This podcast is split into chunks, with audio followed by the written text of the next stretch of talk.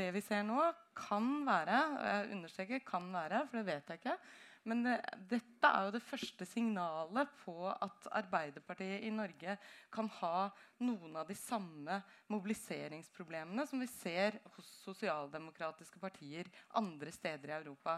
Mm. Det er helt, helt annerledes. Det har vi ikke sett til nå i norsk politikk. Og det vil endre Det har kraft i seg til å kunne endre norsk politikk for alltid, egentlig. Ja, vi, skal snakke... vi ser bare lyst til å føye til Irene der, at vi, vi, ser jo på bakgrunnstallene eh, på alle målingene jeg har eh, studert, at eh, det er en ganske betydelig lekkasje av velgere fra Arbeiderpartiet både til SV, Rødt og til Senterpartiet. Selv om det nå på de siste målingene er noe mindre til Senterpartiet, som er med å gjøre at Senterpartiet ligger lavere enn hva de gjorde på målingene for bare noen uker siden. Og så jeg bare jeg får legge... si noe mange det er snakk om uh, først, da, sånn at alle henger med. For det er ganske mange, og det har faktisk økt også, disse usikre velgerne gjennom valgkampen. Ja, det var akkurat det jeg skulle til å si, for jeg tenker at Hjemmesitterne er veldig veldig interessant her. Eh, tidligere tider ved omtrent dette, dette tidspunktet av festen så har, eh, har, det maksimalt vært uh, 600 000, 590 000-600 000 som har, ikke har bestemt seg. Og nå er det nesten en million.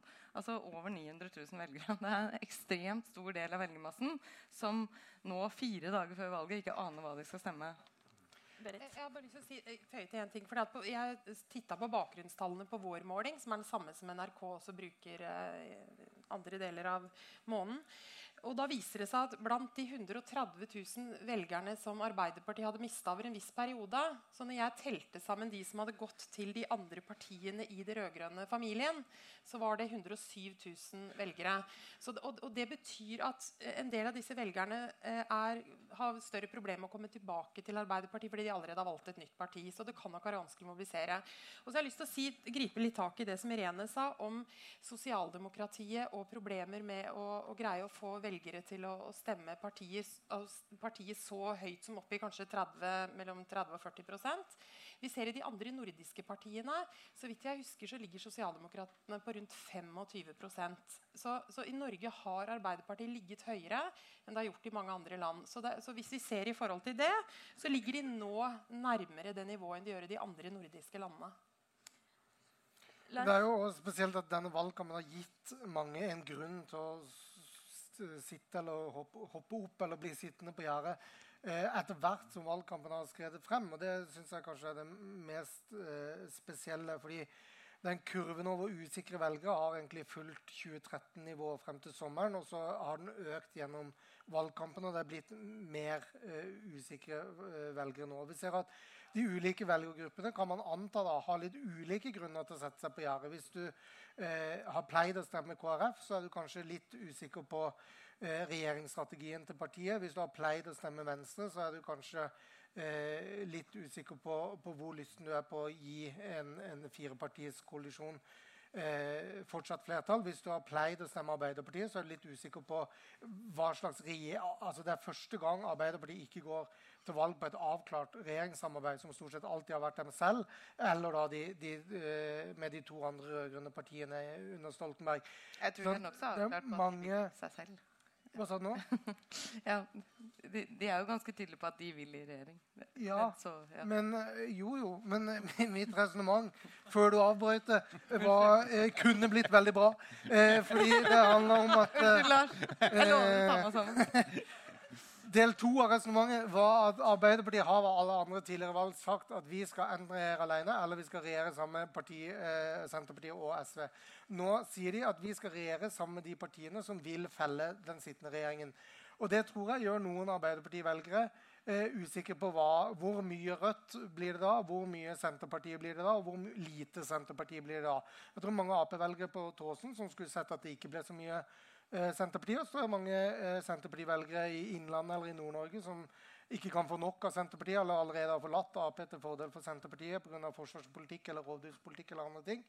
Og det gjør at Beveggrunnen for å sette seg på gjerdet av helt på en måte, rasjonelle argumenter for veldig mange partier, kanskje med unntak av de småpartiene på, på rød-grønn side, eh, de, de, har blitt på sett og vis også befesta gjennom valgkampen. Altså, det er blitt mer utydelig for de som ikke har, føler de hadde et tydelig svar eh, i august og før Arendalsuka. De tror jeg tenker nå at jeg har kanskje ikke fått svar på det jeg lurte på, som gjør meg usikker. Og da er det åpenbart sånn at flere sitter på gjerdet fortsatt.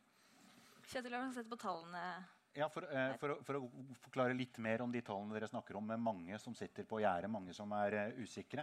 Eh, jeg har gått, uh, prøvd å gjøre et dykk og prøvd å gjøre noen sammenstillinger av en del tall fra ulike, ulike byråer. og det er, det er også sånn at uh, ca. 66, altså to av tre velgere, de er lojale uh, i gjennomsnitt mot det partiet de stemte på ved forrige stortingsvalg. Ca. 20% har byttet parti, og så er det da bare ca. 12% av velgerne som har hoppet ned på gjerdet og endt som usikre og faktisk ikke vet om de skal stemme.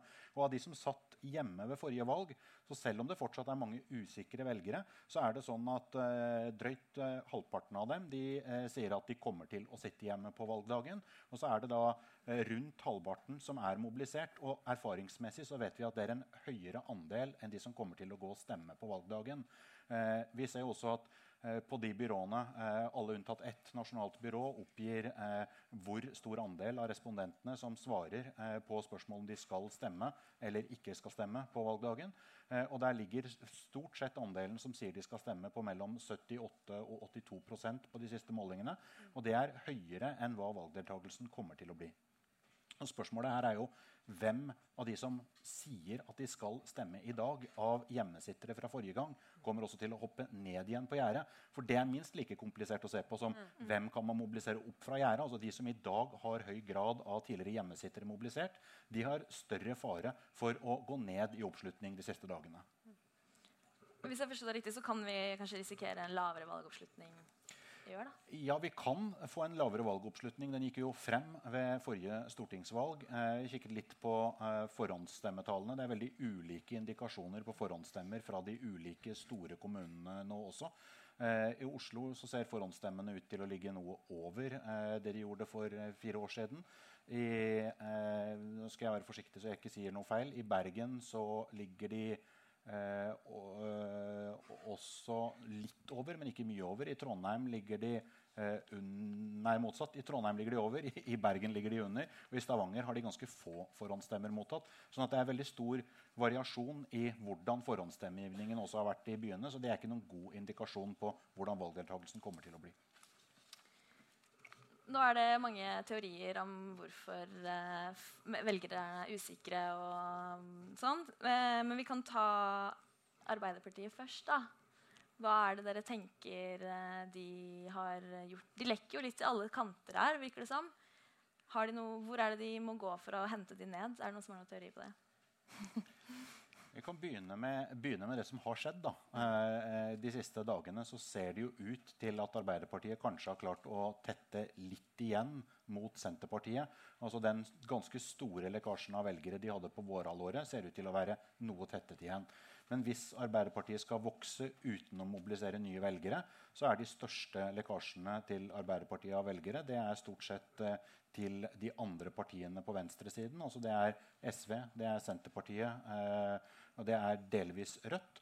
Så har det variert litt hvor mye Arbeiderpartiet har mistet av velgere til venstre. Men der er det også en viss overgang som er med å avgjøre sperregrenseproblematikken for Venstre. Det er vel ikke Nasjonens leseres eh, vinning og at det går dårlig med Arbeiderpartiet heller? Er det Nei, altså Nasjonens lesere eh, speiler uh, faktisk bredere enn det mange tror. sånn at Vi har lesere i, i begge leire vi og får ganske tydelig beskjed fra våre lesere uh, om det. Uh, så jeg får i grunn kjeft uansett. Ja, det, det, det, er liksom, sånn er det.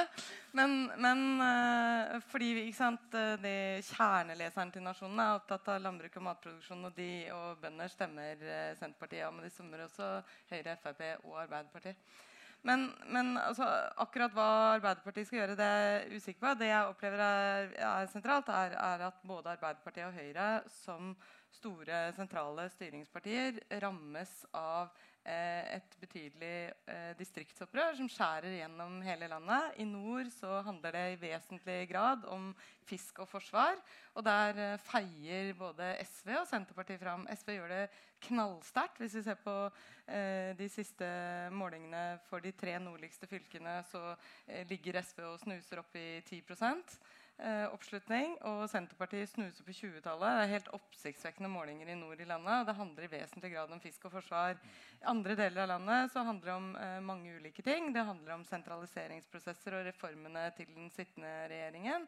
Det handler selvfølgelig om ulv. Og det handler om liksom, hvor vi lever, og hvordan vi lever, og hva vi skal leve av, og hvem som skal tjene på de naturressursene som er rundt i landet. Så det er, er jo en, en uh, smertefull pisk som både Arbeiderpartiet og Høyre til en viss grad uh, får kjenne på i denne valgkampen. Uh, så en utrolig interessant undersøkelse som Bergens Tidende brakte i går. Og Bergens Tidende, i likhet med alle regionavisene, er blitt byaviser. alle regionavisene har lagt ned lokalkontorene sine, og store deler av Medie-Norge er basert i byene. Og de brakte i går en uh, undersøkelse som jeg synes er utrolig interessant, hvor uh, de måler da, påstanden sentrale myndigheter tar for lite hensyn til Utkant-Norge.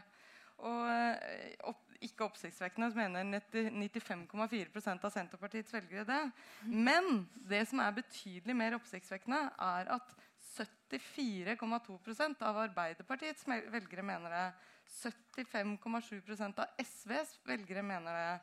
Og eh, nesten 77 av KrFs velgere mener det. sånn at det måler på en måte en opptatthet av eh, distriktspolitikk eh, nesten gjennom nesten hele den politiske skalaen. Det mener jeg er en helt vesentlig del av, eh, av dette valget. Og så har jeg bare lyst til å komme litt tilbake til uh, det Lars eh, sa i stad. og jeg beklager det, jeg ble litt ivrig der, Lars. Jeg skal ta meg sammen og være litt høfligere.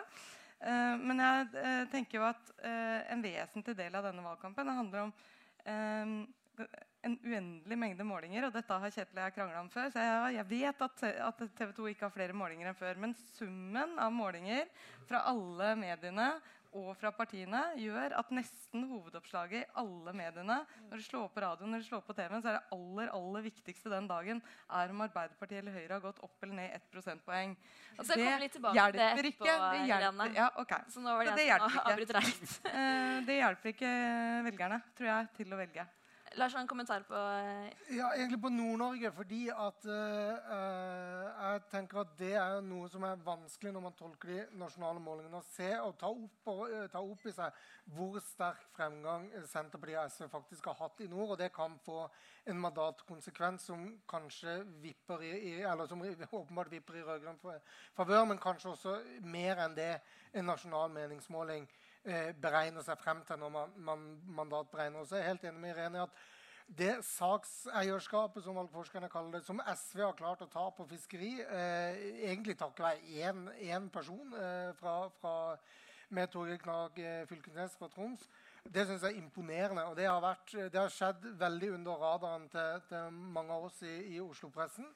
Eh, men, men, jeg tror det er sånne ting som er viktig når man skal forstå dette valget eh, i form av hvilke saker som faktisk har vippa. Og så er det jo litt sånn i, Når du spør om hva Arbeiderpartiet skulle gjort, burde gjort, kan gjøre, så er det jo også oppsiktsvekkende å se i den Nord-Norge-fortellingen om hvordan det å eh, skrive under holdt jeg på, å si, på et forsvarsforlik med Høyre har egentlig nulla ut eh, opposisjonseffekten til Arbeiderpartiet i en hel landsdel. Eh, som i en viktig, altså Forsvaret er en viktig hjørnesteinsbedrift i veldig mange nordnorske kommuner. Eh, og en ting er Andøya, som blir et sånn ekstremt eksempel fordi man, man uh, går inn for å legge ned en base. Men, men også i randkommuner som, som, kanskje mer indirekte enn en Andøya blir ramma av, uh, av de, uh, be, nei, de beslutningene der.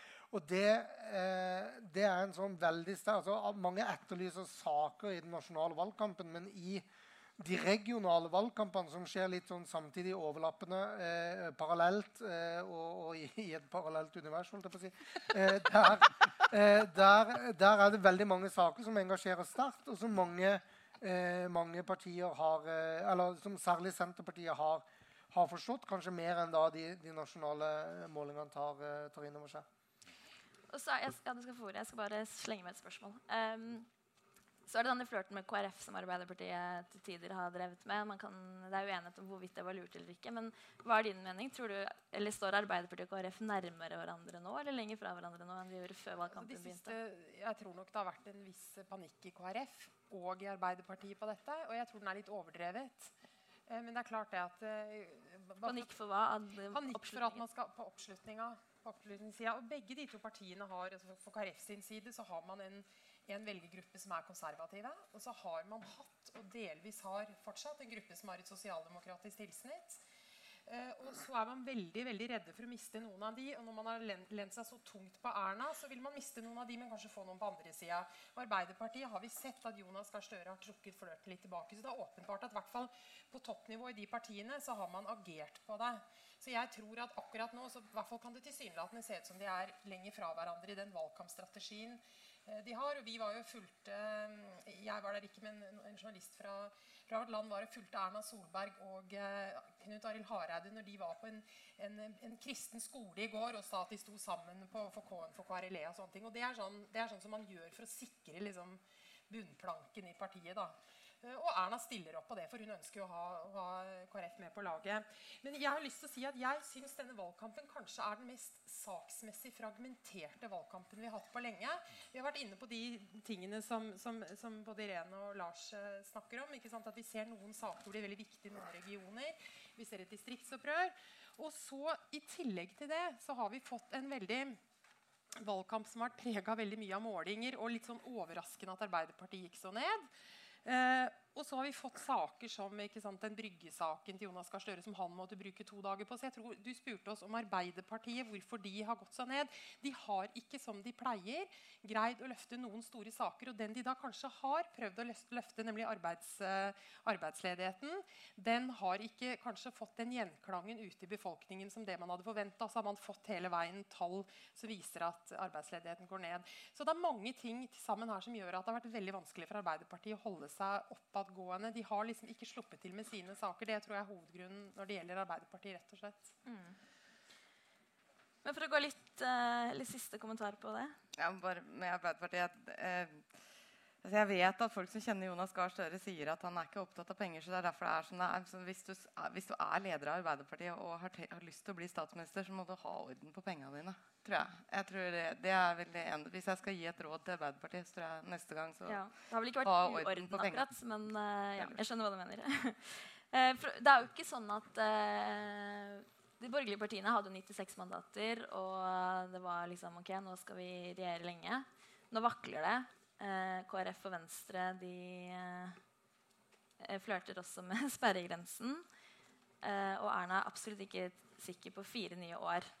Hva, hva har skjedd der? Er det, det Sylvi Listhaug som egenhendig klarer å rive ned eh, Ernas drøm?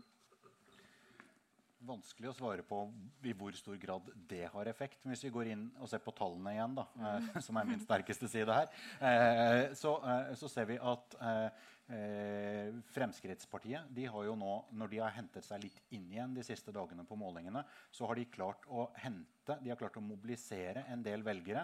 Det blir spennende å se når det om kort tid kommer en måling i Møre og Romsdal, som er Listhaugs hjemfylke, i hvilken grad dette faktisk har mobilisert ekstra mye lokalt eller demobilisert Frp der. Eh, men de har klart å mobilisere seg opp igjen til et høyere nivå. Hvis den målingen som dere presenterte i dag, Lars, med eh, Frp på 17% skulle bli valgresultatet, så vil det være første gang siden eh, Borten-regjeringa at et nummer to-parti i regjering gjør et bedre valgresultat fra regjeringsposisjon. Når det gjelder Høyre, så har de de har også blitt litt rammet at de mister velgere til Fremskrittspartiet. De hadde en ganske stor lekkasje av velgere til Arbeiderpartiet. De har de i hovedsak vunnet tilbake. Høyre har fortsatt et problem med at de mister en del særlig distriktsvelgere til Senterpartiet, selv om det nå er halvert sammenlignet med hva det var for bare noen uker siden. Og så er det KrF og, eh, og Venstre. Da. Altså, Venstre har jeg for mange valg siden døpt for Norges største svingdørparti. Eh, veldig mange sier at de en eller annen gang i historien har stemt Venstre. Eh, de har rundt en tredel lojale velgere. En tredel eh, går til andre partier, og en tredel setter seg på gjerdet. Sånn er det nesten ved hvert eneste valg, og sånn ser det ut til å være nå også. Så spørsmålet for Venstre er om de klarer å få opp lojaliteten, for de mobiliserer inn noen nye velgere. For KrF så er lojaliteten høyere. Eh, på både våre målinger og de fleste bakgrunnstall jeg har sett på regionale målinger, som er ganske mange i det siste, så er det største problemet for KrF at de mister velgere til de andre partiene på borgerlig side, altså Høyre og til en viss grad Fremskrittspartiet. Mens KrF har et kjempeproblem som eh, egentlig veldig få andre partier sliter med. De henter nesten ikke én en eneste ny velger fra noe annet parti. Og hvis du da tar valgresultatet fra forrige gang, og så sier du at ok, om lojaliteten er 65% eller om den er 70 så når du altså Du sliter med å nå 4 rett og slett. Så før KrF klarer å begynne å rekruttere nye velgere, så kommer de til å ha problemer. Ja, Berit? Nei, Jeg hadde lyst til å si litt om Listhaug og, og, og uh, Fremskrittspartiet. fordi at Listhaug har helt åpenbart prega valgkampen. Og hun har klart det med integreringsdebatten og denne eh, kristenflørtinga si. Og den er det ikke alle i Fremskrittspartiet som liker like godt. For du har en ganske stor sekulært segment i, i, i Frp som, som syns at det er ille, men de holder munn fordi at de ser at hun trekker velgere. Eh, og så har jeg lyst til å si det en ting som jeg syns FR, jeg tror Det har vært veldig mye snakk om hvorfor Frp lykkes. De er populistiske, de, de, de er på innvandringsdebatten. Men det er ett moment med dem som har vært trukket veldig lite fram. Og det tror jeg rett og slett går på det at de fanger opp, altså Vi i Norge som nasjon vi har veldig sånn sterke historiske røtter på at vi ikke liker å bli styrt. Vi liker ikke å bli bestemt over. Og akkurat noen av EU-valgkampen har vært noe av det som på en måte, vi ser veldig tydelig historisk at vi har sagt nei til EU, mens Danmark og Sverige har hatt andre avstemninger. Og jeg tror Frp denne gangen på et eller annet vis har greid å trekke til seg noen av de velgerne som er imot statlig styring, de vil ikke ha for høy skatt. altså En del av disse tingene som er en slags motstrøm i den norske befolkning, som de har greid å appellere til. Eh, og det tror jeg har vært veldig det lite snakk om, for vanligvis så tenker vi at de velgerne ligger i sentrum og kanskje også til venstre. Men jeg, vi ser at noen av de også tror jeg ligger til høyre, rett og slett. Ja, det syns jeg er interessant. Det tror jeg, tror jeg du har rett i. Um, det skal jeg tenke litt mer på. Uh, um, det tror jeg absolutt. Altså, jeg tror at motkultur som sådan, da, som Stein Rokkan skrev om, uh, er, er, en veldig vesentlig del av uh, norsk uh, politisk kultur. Det er en norsk verdi, for å bruke Sylvi Listhaugs uttrykk. Um, det jeg i tillegg syns med denne valgkampen, er at det har vært sånn oppsiktsvekkende bruk av skremmebilder. Ikke sant? Sånn der, uh, nå skal jeg, uh, Se her, Bjørnar Moxnes han er farlig, han. Og MDG er jo så farlig. Det, det, er veldig mye sånn skremmebilder. Og, og, det er det fra politikere, men også deler av Medie-Norge. ikke sant? Sånn, oh, hvis man skal ha regjeringsskifte, så trenger de hele den politiske kortstokken. Eh, ja, eh, det vil jo ligne miskjennelig på den regjeringa vi har hatt, egentlig. Som jo også trengte en del eh, støtte. Eh, også samme trussel som at liksom, å, herregud, du skal klare deg med folk med så ulik syn på miljøet som Senterpartiet og MDG. Ja, som denne regjeringen, som har klimafornektere og Venstre. Altså det, er, det, er jo, det, er, jo, pragmatismen i norsk politikk. er jo At man finner sammen på tvers av nokså eh, utenfra sett uoverstigelige grenser. Og det gjør man på høyresiden, og det gjør man på venstresiden. Eh, sånn at, men, men, vår evne til liksom å, å eh, Eller i hvert fall denne valgkampen har vært ganske full av den type skremmebilder. Mer enn før, tror jeg. Men jeg vet ikke om F, altså Frp selvfølgelig Så lenge det partiet gjør det bra, så tror jeg det meste tilgis når man skal evaluere og sånn etterpå. Men, men eh, Frp, eller det er mange i partiet i hvert fall, som også er bevisst at eh, Frp er avhengig av å rekruttere eh, velgere langs flere Eh, politiske saker enn en bare innvandring. Eh, og så har de fått mye gratis ved en eh, allestedsværende samferdselsminister som har rekruttert mye for dem og, og, og, gjort en bra valgkamp, vært mye rundt og, og reist og hilst og, sånn. Men, men, at Frp nok skulle ønske at de ble huska like mye for eiendomsskattemotstand eller bevæpning av politi eller helt andre saker enn bare at de dro til Rinkeby eh, på dagsbesøk. Det, det, tror jeg mange i partiet også føler for. Men så er det klart at hvis de, hvis de kommer på liksom 15 pluss, så går det jo ikke an å snakke så veldig høyt om det eller problematisere det så veldig. Men, men FRP, skal Frp vokse fra, fra et eh, ja, 15 pluss-nivå, da, så er de avhengig av å få velgere som ikke bare lar seg lokke av, av Sylvi sin måte å kommunisere politikk på.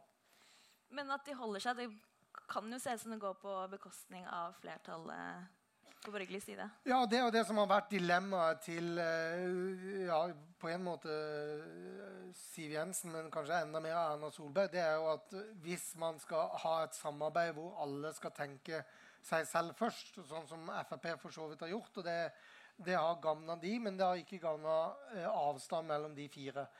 Og når det nå er sånn at du ikke får en, en samarbeidsavtale, eller det virker i hvert fall lite sannsynlig at du får en like omfattende samarbeidsavtale som du har hatt denne perioden her, så er det jo sånn at Hvis Erna Solberg eh, vinner tilbake eller fortsetter å ha makt, eh, de fire partiene har flertall, så får du en mye skjørere politisk samarbeid, og du får sikkert enda mer enn i dag den, den, eh, den eh, ja, det, at det, det, at Frp og sentrumspartiene ser så ulikt på så mye, og kanskje føler seg mindre forplikta til en avtale eller en felles skjebne, eller et eller annet, det vil nok gjøre eh, situasjonen for Erna Solberg veldig mye mer krevende eh, i fremtidige budsjettforhandlinger og saks saksforhandlinger i en eventuell kommende periode eh, enn det har vært den perioden her, som tross alt har vært trøblete for det. Og så vil jo Erna Solberg si at det verste for Høyre eh, er når dette samarbeidet ikke fungerer. For det er da Arbeiderpartiet stiger.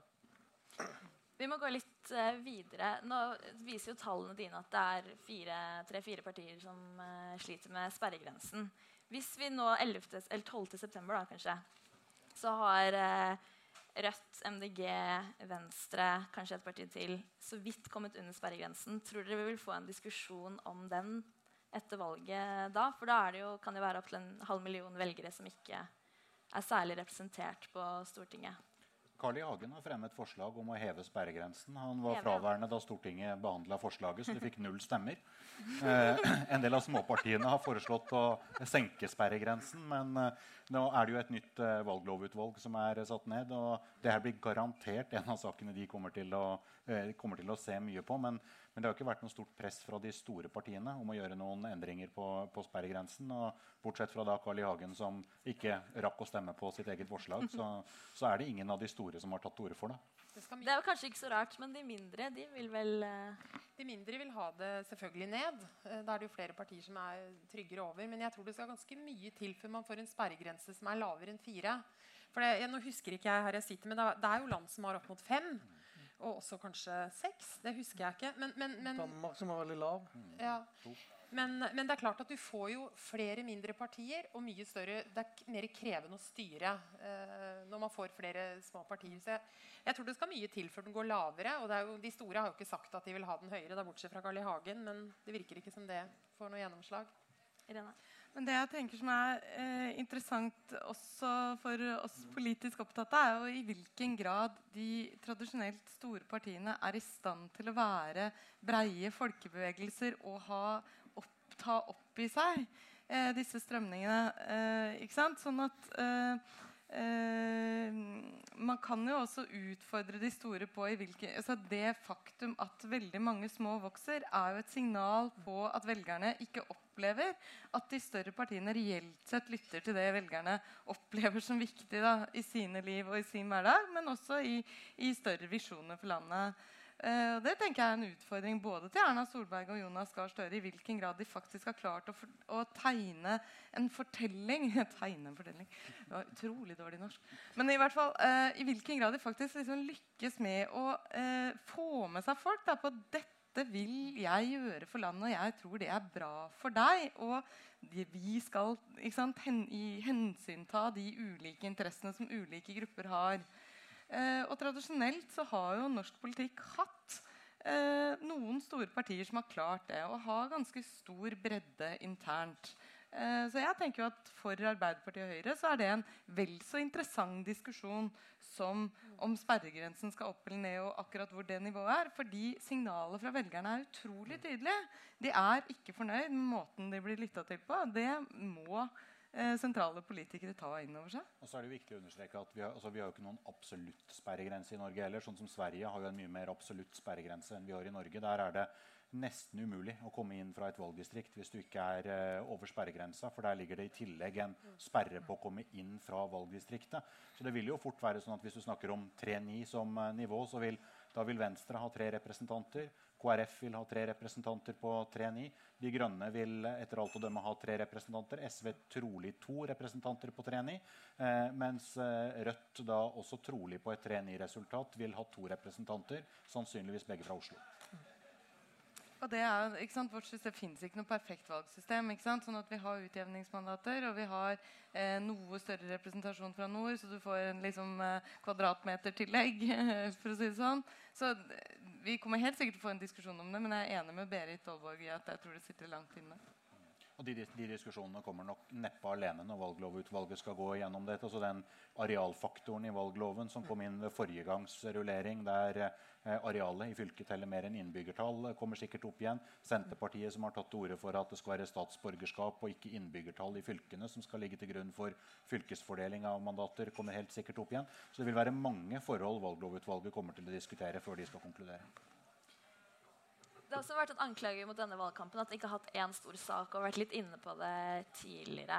Uh, har det kanskje vært meningsmålinger som har vært den store saken som du snakker om, Irene? Uh, men jeg lurer først på, stemmer det at ikke det har vært en eller et par store saker valgkamp, denne valgkampen? Jeg tror mange føler det. Altså, det, vært, eh, det begynte jo for så vidt med en skatte politisk debatt. Jeg tror I dagens mediesamfunn eh, så er det å ha saker som flere redaksjoner dekker i tre dager på rad, sånn at ting får virkelig festa seg i folks bevissthet, det eh, tror jeg er krevende. Jeg tror det ligger en viss redaksjonell stolthet i å ikke hvile seg på andre, f.eks. Eh, og det er jo den Eh, altså hvis, når, når, man da ikke har en sak, så kan man si at det, det, er en rar valgkamp fordi man ikke har en sak. Og hvis, hvis, pressen konsentrerer seg om noen saker, så kan man si at journalistene bare løper i flokk. Eh, så det er, liksom, det er jo to, to grøfter på, på, hver side av, av veien i, i så henseende. Men det jeg føler på er at det er blitt en veldig fragmentert valgkamp. Det tror jeg vi visste. Det er blitt mange ulike valgkamper. Det bærer også preg av at partiene selv kan ta mye eierskap til hva man vil kommunisere, og hvordan man vil gjøre det eh, gjennom sosiale medier. Eh, og da tror jeg at det er veldig mye av det, de bra tingene norske redaksjoner har gjort i, i, valgkampen, som drukner litt. At det blir en sak her eller tre saker der, og så husker man ikke nødvendigvis at Aftenposten har gjort mye bra på på pappaperm, at uh, vi gjorde mye bra på distriktspolitikk opp mot en, en distriktspolitikksending. At uh, TV 2 har gjentatte saker om, om, uh, om helsepolitikk. At VG har gjort mye på skatt. Det, det, forsvinner litt, fordi man føler ikke at det er den samla offentlige samtalen. Gjerne samtidig, sånn som det var før, hvor mye av de hoveddebattene til NRK definerte litt at da den uka snakker alle om eldreomsorg, og den uka snakker alle om skole, og den uka snakker alle om arbeidsliv. Eh, og da tror jeg vi sitter igjen med at det er ikke noe rød tråd. Og så blir det, det refrenget som er litt likt, det er at uh, målingene når noen går opp og noen går ned. Eh, og, og, så Ja, vi har publisert én måling hver, hver uke. Jeg syns ikke det er veldig mye. Jeg syns det heller ikke er eh, altfor lite. Men, men, det er det nivået vi har valgt å legge oss på i år som de tre siste valgene, tror jeg. Eh, og så skjønner jeg at de som da følger veldig med, føler at når alle redaksjonene føler de må ha sin måling, så blir det eh, mye og litt, litt gjentagende. Men at det har vært et fravær for saker, det, det syns jeg ikke er riktig å si. Men at de debattene om saker som har vært, aldri har fått leve, det er riktig. Og da, da fester det seg lett et bilde om at det er ikke noe man husker sånn uh, veldig godt at det, det, i år snakker vi om. Selv om skattediskusjonen er ganske grunnleggende politisk debatt mellom hovedblokkene og hovedfløyene. Uh, det er en stor nyhet at Arbeiderpartiet går til valg og sier de vil eh, sette opp det samla skatte- og avgiftstrykket og også beløpsfeste det. som er noe man bør huske denne valgkampen for, da, i tillegg til meningsmålingene. Ja, jeg hadde lyst til å si litt til dette med saker. fordi at, eh, Jeg tror vi alle er enige om at det har ikke vært noen store saker i denne valgkampen. Jeg har hørt at vi alle har sagt det. Eh, og i den grad det kanskje har vært det, så er det vel liksom kanskje noe på integrering og Listhaug og Rinkeby og disse tingene. Men det som er interessant, vi i Vårt Land omtalte forrige uke en måling fra Ipsos som viser at det er faktisk når du ser på alle partiene hva de ulike velgerne er opptatt av, så er de faktisk mer opptatt av ideologi til det partiet de stemmer. Altså det er mer avgjørende for hva de stemmer, enn de faktisk er av enkeltsaker. De partiene som lå helt høyest på det, det var SV og MDG. så vidt jeg husker nå. Og så De partiene som hadde, var, var, nede hvor sakene betydde mer og ideologi mindre, var Fremskrittspartiet og Senterpartiet. Men, men samtlige hadde da en overvekt av folk som til, ble tiltrukket av et parti pga. den ideologiske måte, ramma til det partiet. Så det er jo også mulig at vi som eh, mediehus og journalister kjører veldig mye på dette med sakene. At vi kanskje egentlig burde skrive mer om ideologi, og at velgerne er opptatt av det. Men det kan også godt være at det har vært så få saker denne valgkampen at ikke det er noen saker å velge på, og at ideologien blir det folk da til slutt sitter igjen og velger på. Det er ikke godt å si. Men det er i hvert fall interessant at norske velgere er såpass opptatt av ideologi som de faktisk er. Vi har jo trodd kanskje lenge at ideologiene nesten var døde på et eller annet vis. TV 2 har jo hatt uh, en om dagen uh, Jeg er ikke helt sikker på hvor lenge, men uh, det, kan det bli for mange målinger? Det kan selvfølgelig være noen som mener at det blir for mange målinger. Men eh, vi har faktisk færre målinger denne valgkampen enn hva vi hadde ved stortingsvalget for fire år siden. Eh, og så er det jo sånn at dette valget er jo sannsynligvis det jevneste og det mest spennende valget vi har hatt eh, i Norge på 40 år. Eh, altså det, det, vi kan stå i den situasjonen at vi snakker postsekk fra Nordland eh, gjenfunnet. Dvs. Si ikke gjenfunnet så seint som da Hanna Kvanmo kom inn på Stortinget og vippa flertallet. Men, men vi, vi, kan stå der at du får, fordi du nå har fått en regelendring eh, på opptelling av eh, sent innkomne forhåndsstemmer, som gjør at de skal telles først tirsdag klokka 17, så kan vi i teorien få en situasjon at valget er så, så jevnt at det står og vipper helt frem til det. Eh, så det gjør at det er faktisk ganske spennende å måle utviklingen. Men det er selvfølgelig viktig å se på trendkurver over tid. Det er viktig å se på velgeroverganger. Hva er det som skjer? Altså, er det mønster, er det systematikk gjennom valgkampen som gjør at bevegelsene går i den ene eller andre retningen? Men sånn totalbildet av meningsmålinger det er faktisk at det er færre enn det har vært eh, fra mediene tidligere. Det skyldes sikkert eh, sparing i mange medier, særlig i regionalmedia. Det er veldig mange fylker som er mye dårligere målt denne valgkampen. Det var akkurat det samme som skjedde under USA-valget, hvor rustbeltet var veldig mye dårligere målt enn hva det hadde vært ved tidligere valg. Eh, så der kan man jo få seg en overraskelse. I fylkene så har jo mye av debatten ikke gått på mengden målinger, men det har gått på at det har vært eh, gjort målinger med vekting henholdsvis mot stortingsvalget og kommunevalget, som har gitt særdeles avvikende tall i noen av fylkene, som har skapt stor usikkerhet på hvordan nivåene reelt sett er, og hvilke partier som er nærmest til å ta mandater. Du kan ikke spørre han om det er for mye målinger. det blir jo aldri nok målinger! det går ikke. Aldri. Det går ikke. Men, men, eh, men eh, ikke sant? jeg syns det du sier med rustbeltet er veldig interessant. Det er interessant for USA og det er interessant for Norge. fordi når da de store redaksjonene i Norge skal ut og, og kjenne på rustbeltet, så reiser de altså Aftenposten og VG. Da reiser de til Trondheim, Tromsø og Bergen. Og det er jo for virkelig å kjenne Bygde-Norge på pulsen, tenker jeg. Så det syns jeg var veldig vellykka. Heldigvis for vår del, da, Irene. Vi har vært et par andre steder også. Ja, ja, det er bra, det, altså. Men jeg tenker jo nettopp det. Altså, når mediene har dårlig råd, så er det det liksom, da, Jeg tenker jo at vi må ta den lyskasteren litt på oss sjøl også. ikke sant? Hva er det vi da bruker pengene til? Og så er det helt greit. Det er, altså, man, det er jo en streit ting å si at vi vil ha en måling per dag eller en i uka eller hva det nå enn er. Men, men eh, jamfør, man måtte jamføre. Hva er det vi da bruker på faktisk å prate med folk og komme oss ut og prøve å finne ut hvorfor folk mener det de mener? Eh, det tror jeg er ganske sentralt. Det er veldig veldig viktig det du sier at mange regioner og lokalaviser har slutta eller, har sluttet, eller veldig tatt målinger ned, som gjør det vanskeligere i riksmedier å fange opp eh, lokale ting. Det er mange steder i denne valgkampen hvor veldig lokale forhold slår ut. Vi har snakka om Nord-Norge. Vi burde egentlig ha snakka om Innlandet også, fordi det handler ikke bare om ulv. Der handler det f.eks. veldig mye om Hamar stasjon. Altså Sånne type lokale og regionale saker har vesentlig betydning for å flytte stemmer mange steder i Norge. Og med svakere lokale og regionale medier så er det vanskeligere å fange opp de velgerbevegelsene i riksmediene. Det er et element som slår inn tror jeg, i denne valgkampen. Um, og så syns jeg det med ideologi er veldig interessant. Fordi, eh, fordi eh, det er jo igjen en ganske sånn stor utfordring til de to store. Eh, akkurat som man kan si at eh, Ofte nå så sier man sånn Nei, men altså eh, Den og den politikken er altfor viktig til å ta distriktspolitiske hensyn. Eller altfor viktig til å ta klimapolitiske hensyn. eller hva det nå enn er. Men, men faktum er jo at eh, noen politikkområder hvis de, hvis de, faktisk skal bli løfta, så må de skjære gjennom alt. Må, det er jo derfor Kristin Halvorsen egentlig ønsket å flytte klima til Finansdepartementet.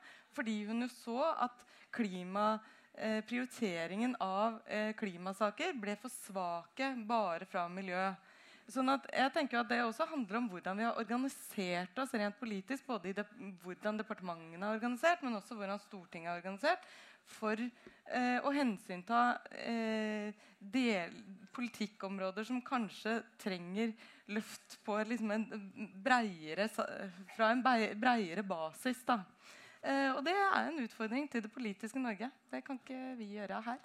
Det får de gjøre etter valget. Men eh, dere, altså rustbelte og sånn, men det bringer oss litt over på det, det som skal skje 11.9. og dagene frem til det. Er det noen saker, noen områder Hva er det vi skal følge med på nå de siste fire-fem dagene for å bli Eller hvor er det liksom eh, det kommer til å falle ned på den ene eller andre siden?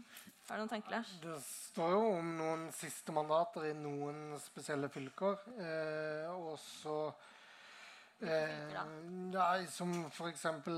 Telemark, til dels Østfold, Rogaland, Hordaland, Oslo, de to siste, to siste Akershus.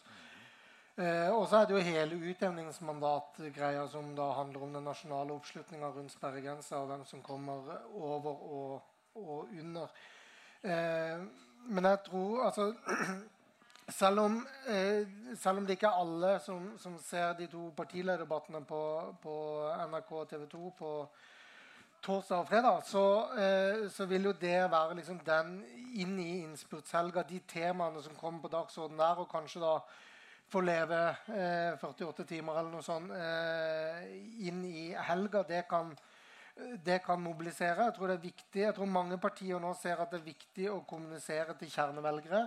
Eh, det kan gi igjen da, et litt sånn spredt ordskifte, men det kan også gi eh, forhåpentligvis litt mer ideologisk eller på annen måte begrunna budskap eh, som er eh, tilpassa hvert partis eh, kjernevelgergrupper. Eh, og det må være partienes fordømte ønsker å, å, skulle appellere til, til, sine egne først og fremst for å, for å, sikre at folk går og stemmer. Og nå er det Selv om forhåndsstemming blir, blir mer og mer inn og mer og mer tilgjengelig, så, så, er det klart at det er mange som ikke har, har bestemt seg ennå. Det, det, å mobilisere de blir, uh, blir avgjørende eh, i, de, i, de, dagene som blir igjen. Og det er, det er lenge. å si, Det er mange timer. det er mange som Eh, som bestemmer seg sent. Eh, opp mot 10% som bestemmer seg på, på valgdagen og helt siste, siste fase. Så det, det, er mye å Det er lenge igjen med tanke på hvor jevnt det er nå, og hvor lite som skal til for å, for å vippe dette. Ja, så, eh, helt riktig de fylkene Lars trekker fram. I tillegg så kan jeg legge til at det er veldig jevnt om siste mandatene i Hedmark. Det er jevnt i Oppland. Eh, det er jevnt om siste mandatet i Møre og Romsdal, hvor trolig hvem som blir største parti, eh, avgjør hvem som kniper det siste direkte mandatet.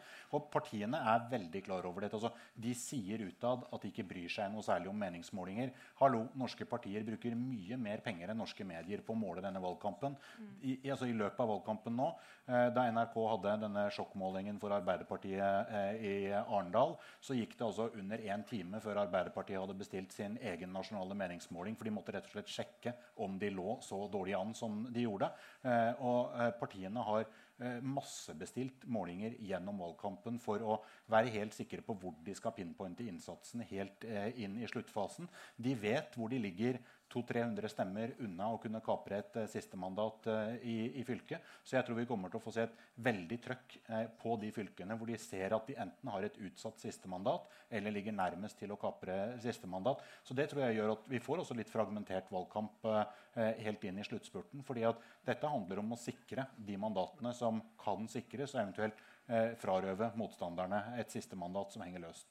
Så tror jeg en annen ting som også blir veldig spennende. Jeg vil tro at de siste eh, partimålingene som kommer fra media, kommer på fredag.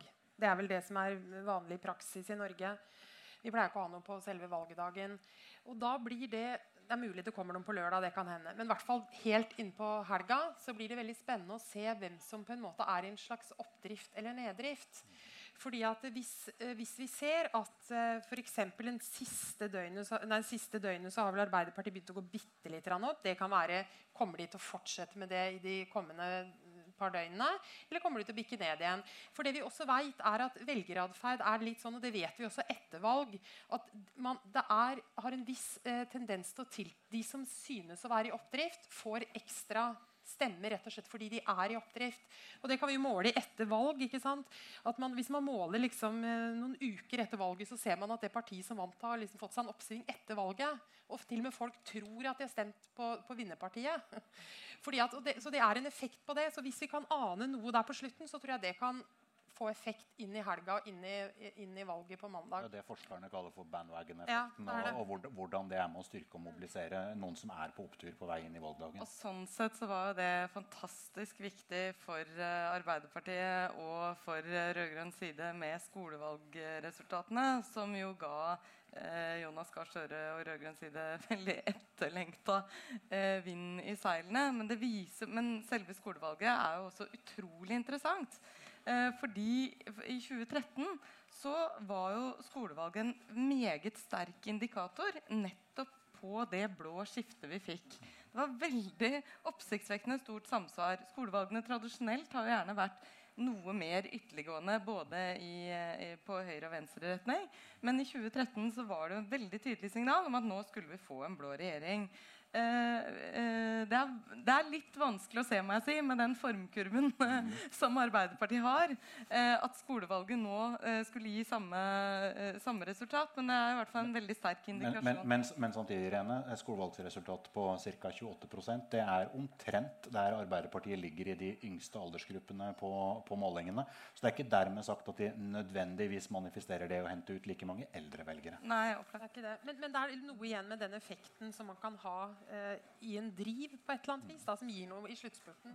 Som man ikke skal se bort ifra. Kan Men det skolevalgsresultatet òg kan vise, er jo at det, en, at det, blir en tiltagende større avstand mellom hvordan unge og gamle stemmer. Litt sånn som man så ved, ved brexit-avstemningen f.eks. Man har òg sett det ved alle de ja, det er i hvert fall nesten alle de folkeavstemningene som har vært om kommunesammenslåing, at det er veldig forskjell på hvordan unge og gamle stemmer. Og Hvis det manifesterer seg en ting er i 2017, men også i de eh, fremtidige valgene vi skal ha inn i perspektivmeldingens levetid, så, så er det ekstremt interessant. Er det noen spørsmål fra salen? Der står en mikrofon uh, bak der. Vi tar uh, OK. To korte spørsmål. Er den på? Ja. ja. Uh, Torgen Jasås, jeg er journalist i LO-aktuelt. og Nå har jeg sittet her i over en time og hørt dere diskutere valget, og jeg har ikke hørt dere nevnt fagbevegelsen med et eneste ord. Det er ganske overraskende. Spesielt i uh, eh, 2005 så var det jo fagbevegelsen og arbeidslivsspørsmål som eh, vippa hele valget. Så Har dere noen kommentar til hvorfor har dere ikke nevnt det? Hvor er det ikke viktig? Har LO mista innflytelse? Er det ikke viktig for Arbeiderpartiet? Jeg synes det, Takk for spørsmålet. fordi jeg, jeg, tror det er inne på noe viktig. Nå er jeg veldig spent på når det kommer mer forskning på dette valget. er Aps oppslutning blant LOs medlemmer eh, ved dette valget. og Der tror jeg du vil se en eh, ganske annet nivå enn det var i 2005. Og jeg synes det har vært, eh, i hvert fall når jeg har vært rundt og reist både med Ap-folk og eh, bare generelt i, i, i, eh, i landet, så syns jeg det var noe helt annet å se fagbevegelsens mobilisering i 2005 enn nå. Eh, og om det handler om, eh, om utdanningsnivå og politisk engasjement blant fagorganiserte, og at, eh, om det er en generasjonsgreie eh, Hva det er for noe, det vet jeg ikke. Men jeg tror også Jeg har snakka med, med, med Ap-ledelsen om det også. At det er, eh, at det er oppsiktsvekkende hvis Arbeiderpartiet ikke klarer den mobiliseringen internt blant LO-medlemmer som de er avhengig av for å ha et, eh, et, godt valgresultat. Og Mye av den lojalitetsproblematikken og annet sånt kan jo tyde, tyde på det. Eh, og det tror jeg Jeg vil gjerne se noen av de, de tallene LO har sjøl også, for å, å, kunne si noe om det. Men jeg tror Arbeiderpartiet mobiliserer dårligere blant LO-medlemmer nå enn de gjorde i 2005. Og jeg tror det er en del av historien om Aps eh, om ikke nederlag, så i hvert fall nedadgående oppslutning. Ja, hvis, jeg kan, kan hvis, hvis jeg bare kan legge til, så er jeg helt enig, eh, enig med deg. Takk for spørsmålet, Torgny Hasås. Uh, jeg er enig med Lars uh, i at det blir interessant å se forskning. Det er jo også nokså oppsiktsvekkende at det er bare to dager siden, altså seks dager før valget, så gikk det ut en nokså vil jeg si, desperat e-post fra LO sentralt til LOs medlemmer det er en i siste liten-mobilisering som ikke er i nærheten av hva vi har sett fra maskineriet LO og Arbeiderpartiet før. Eh, og viser, eh, tror jeg, eh, som Lars sier, en, en, stor svakhet for Arbeiderpartiet i denne mobiliseringa. Eh, de har kunnet stole på dette apparatet før. Et spørsmål. Ja. hører dere meg? Ja. Eh, saken er at jeg har spurt meg selv Hvorfor har dere ikke nevnt Facebook? Nå ser jeg at her er de fleste, eller alle, yngre enn meg. Og til og med jeg går på Facebook. Senest i dag. Og det som slo meg Hvis det er noen av dere unge som eh, eh f.eks.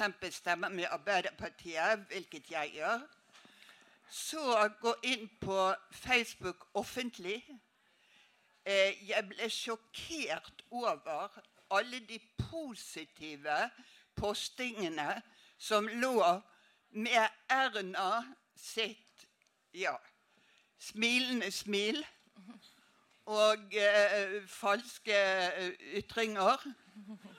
Dere skjønner kanskje at jeg ikke er så begeistret for mitt bysbarn. Eh, for å heve stemningen så vil jeg si at jeg orker rett og slett ikke se på valgdebattene på TV. Det er, det er, for grusomt å se folk sitte og lyge. Så min oppfordring er unge, alle her yngre enn meg, gå inn på Facebook, ta de siste dagene og vær positive. Takk. Ja, det var jo de med det største smilet som skulle vinne debatten. Var det ikke sånn det var? Det største smilet? Ja. ja. ja. Husker ikke hvem som sa det. Men, men det, er, det, er, det, er jo, det, er, det, er, et lite poeng i det. Altså fordi at eh, Det har vært sagt mye om, om TV-debatter. Altså er, de, er de gode, er de dårlige? Lønner det seg å være aggressiv, ikke aggressiv? For mange stortingsvalg siden så gjorde vi et eksperiment der eh, eh TNS Gallup eh, utstyrte et panel med mentometerknapper eh, for å se eh, hvordan reagerer folk på de ulike utsagnene. Og hver gang noen begynte med avbrytelser, så skrudde folk mentometerknappene ned. Hver gang folk dro lange, sammenhengende resonnementer, så eh, steg sympatien nesten uavhengig av hvem som hadde ordet i debatten. Eh, men når, det gjelder Facebook, så er jo Facebook også veld, i veldig stor grad en gjengivelse av hva som lages av mediene. Eh, og også reklame, rene reklamebudskaper fra partiene. Og eh, det kommer sikkert til å bli undersøkt mye i etterkant av valget i hvilken grad Facebook-aksjonene som partiene har brukt ganske mye penger på, faktisk har virket på å mobilisere velgere, eller om det stort sett bare har konsolidert egne sympatisører. Det, det, dette er jo, det, det, har jo vært sosiale medier gjennom flere valgkamper. Men jeg, eh, jeg, må se oversikter fra partiene før jeg kan si noe om dette er mer enn før. Eh, men det er jo ikke noe tvil om at i hvert fall de to store har brukt eh, atskillige ressurser på å være synlige i sosiale medier. Både med, med rene liksom, fagtunge budskap, ren reklame, men også med humor. Um, uh, som jeg vil anta at de gjør fordi de får uh, effekt av det. rett og slett. Så er det jo også sånn med TV-debatter, det har vi sett i tidligere valgkamper også, at noen partier er i stand til å mobilisere av en god TV-debatt. Andre partier har åpenbart problemer med det. SV eksempel, SVs leder Audun Lysbakken er eh, god på TV. Eh, får nesten alltid eh, god eh, karakter av kommentatorene. Det mobiliserer i svært liten grad for SV. Det har liten betydning. Det er andre ting som den partiorganisasjonen må jobbe med. Så, så disse, det er ulike ting som mobiliserer de ulike partiene, de ulike partienes velgere. Men sosiale medier er kommet for å bli. Det er, vel, det, er, vel sjelden sammenheng mellom terningkast i etterkant av TV-debatten og oppslutningen til partiene på de neste målingene. Ja, det er sant, men en virkelig virkelig dårlig TV-debatt kan uh, på en måte seile Få deg i en nedadgående spiral.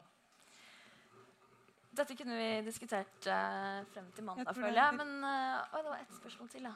Ja, Kan du være kort? Ja, jeg skal prøve å være kort. Mitt spørsmål går litt på betydningen av ideologi innenfor dette valget, og spesielt for sosialdemokratene.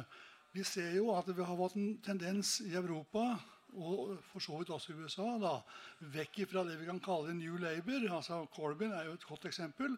Og at USA for første gang har fått en, det vi kan kalle sosialdemokrat. Eh, og, og har, Det norske Arbeiderpartiet har jo etter min oppfatning eh, hengt veldig godt igjen i gammel New Labour-ideologi. Eksempelvis spørsmålet rundt dette med outsourcing når det gjelder eh, Helse Sør-Øst og Nødnett, har overhodet ikke vært oppe i debatten. Eh, og mitt spørsmål er kan, noe, kan man se på fallet i interesse for Arbeiderpartiet at de henger igjen i gammeldags New Labour-tenkning. Takk. Kan du svare kort på det? Det er, det er, vanskelig å ta hele det spørsmålet. Men jeg, jeg, vil i hvert fall si at jeg tror at i den grad eh, SV har tjent noe på dette. Og når du snakker om outsourcing og, og hele den diskusjonen om velferdsprofitører, tror jeg faktisk SV har tjent på. Og de har vært veldig tydelige på det, mens Arbeiderpartiet virka mer vag. og Man kan ikke helt se man skal altså, Man har en slags mellomposisjon mellom SV og høyrepartiene. Så, så, jeg tror nok det er noe der. Altså. Men det er vanskelig å si hvor stor effekt det har. tenker jeg. Og samtidig så har det vært en uh, opplagt nyorientering i Arbeiderpartiet under Jonas Gahr Støre. Uh, han snakker jo mye mer om statlig eierskap eksempelvis, enn det Jens Stoltenberg gjorde. Men det kan jo være Dette vet jeg ikke, det vil jeg tro uh, vi må si som forskerne oppdragsforskerne til å svare på dette trenger vi mer forskning. Mm. Eh, altså trenger vi mer penger for å forske på det. Men, men, eh, men altså eh, Det som jo har vært eh, tror jeg, ganske vanskelig for Arbeiderpartiet i denne valgkampen, er jo at de har nyorientert seg noen disse, eh, på noen av disse områdene uten egentlig å ta et oppgjør med med eh, sin egen tidligere politikk. Og, så, og det er litt fordi sant, arven er god, og alle, alle partier likte Jens Stoltenberg. og Man vil ikke liksom trekke eh, det noe ned. Men det er klart at det gjør, jo, det, gjør det noe vanskeligere da, å kommunisere ekstremt tydelig på noen av de store eh, områdene. Fordi det jo var Stoltenbergs første regjering som i vesentlig grad satte i gang prosesser knytta til delprivatisering av Statoil, Telenor osv. Da tror jeg vi må ta siste, og det hater sikkert å spå. det er jeg ganske sikker på. Eh, men vi må stille det spørsmålet. Hva er de mest sannsynlige regjeringsalternativene vi, vi har? Eller hva Nå tar du frem PC-en. Det liker jeg. Siste sekundmål. Nå tenker du på Skal vi se. Sider, eller tenker du Lars, begynn du. Hva vi tror? Hva tror dere? Ja, vi kan begynne her, og så blir det siste Nei, men Det er et bevegelig mål. Eh, fordi at eh, det er Ja, nei, det er umulig å si. Det er det dere skal si også, eller? Ja, egentlig. Jeg tør ikke spå. Men altså, ja, det, det, som jeg i hvert fall har, eh, tror er helt sikkert, er at det er ikke sånn at en av de liksom kan på noen måte innkassere eller vekte de tallene som ligger nå, og si at de vil klare å danne regjering eller at de kommer til å vinne. For det er veldig usikkert, og det tror jeg begge sider, og særlig de to store partiene, egentlig vet veldig godt. Det kan skje så mye på oppløpssida nå når det er så tett som det er. Jeg tror ikke vi får det som valgnatta Morna-Erna. Det får vi ikke. Nei. Eh, det blir, Nei, det blir vi må få se den kjolen en gang til. Det legger jeg en søknad på. Altså, har du svaret til oss? Nei, jeg har ikke noe eksakt svar med to streker under. Men, men, det som virker ganske klart uansett, det er jo at det er noen av småpartiene som kjemper mot sperregrensa, som mest sannsynlig kommer til å havne på, på vippen.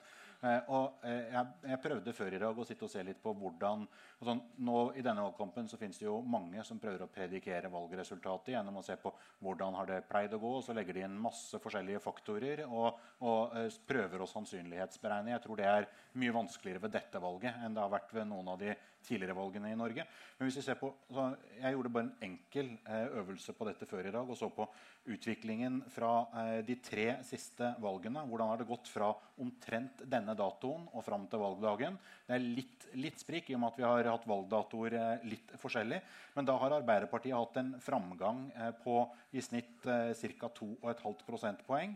Så har SV vært den som har måttet blø for det, med en tilbakegang på halvannet prosentpoeng i snitt på de tre siste. Mye av det kom i, i 2005-valget. Men veldig mye av den veksten Arbeiderpartiet har pleid å ha i sluttspurten når de har vokst, den har gått på bekostning av eh, nettopp SV. Så hvis det samme skjer igjen, så vil de på en måte stjele velgere fra hverandre uten at du får noen særlig reell blokkbevegelse. Men hvis du sier at gjennomsnittet blokkmessig legges oppå eh, det eh, som er oppslutningen til blokkene i dag, så vil de fire borgerlige partiene eh, havne på et eller annet sted mellom 46 og 47 Eh, og så vil de tre rød-grønne partiene havne på eh, drøyt 44% Og så kan du legge De grønne og Rødt på toppen. Og da skjønner alle at det er denne sperregrenseproblematikken som, som vil slå inn der. Hvis det går partimessig som det pleier å gå, så kan du snu det og si vil det gå sånn som det går eh, med regjeringspartier og samarbeidspartier kontra opposisjonspartier. For det er en annen måte å gjøre det samme regnestykket på. Hvis den effekten slår ut, så havner eh, de borgerlige partiene på eh, over 48% altså et sannsynlig flertall. Eh, mens de rød-grønne partiene da vil havne på ca. 42 pluss eh, De grønne og Rødt. Og da henger alt igjen på sperregrenseproblematikken. Uansett hvordan du snur og vender på dette regnestykket. Men nå snakker vi jo som om de borgerlige fortsatt er en blokk. Og det er jo litt interessant at vi ikke har snakka litt mer om det. Fordi at gjennom denne stortingsperioden så har jo velgerne til henholdsvis Frp og KrF og Venstres partier blitt i økende grad eh, sinna på hverandre. Altså, De misliker hverandre så sterkt, de folka der. At det er jo et lite mirakel det Erna Solberg driver med. Eh, ikke sant? Og FrPs velgere de vil virkelig ikke leke med disse tullepartiene. Jeg tror Uansett, eh, uansett Irene, så tror jeg vi får, en, uh, vi får, en, mindretallsregjering som gjør at vi kommer til å få fire morsomme år. Ja. Og kanskje ikke en regjering som sitter hele perioden ut, uansett jeg hvilke farger det er på regjeringen. Det kan være veldig sannsynlig at, ikke, at, man ikke får en regjering som blir sittende. Det er vel kanskje det som kan uh, spenne kanskje. Det, det gikk jo så vidt disse fire årene, så bare, det er fortsatt spenning. Spenningen lever i beste velgående. Men eh, tusen takk til dere, og tusen takk til dere. Etter oss kommer Aftenpodden hvis dere er interessert i mer synsing. Tusen takk.